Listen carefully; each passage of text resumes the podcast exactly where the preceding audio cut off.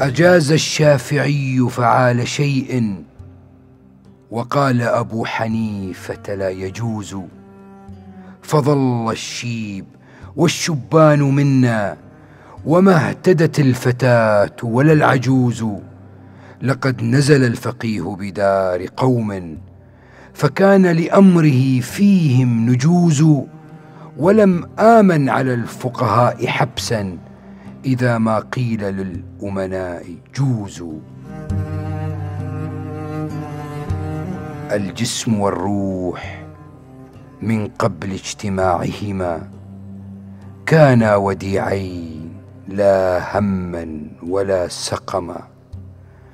تفرد الشيء خير من تألفه بغيره وتجر الألفة النقما.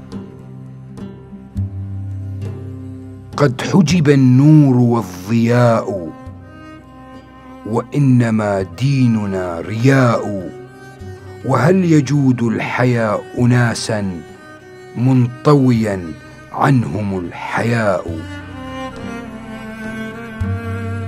توهمت يا مغرور أنك دين علي يمين الله ما لك دين. تسير إلى البيت الحرام تنسكا ويشكوك جار بائس وخدين.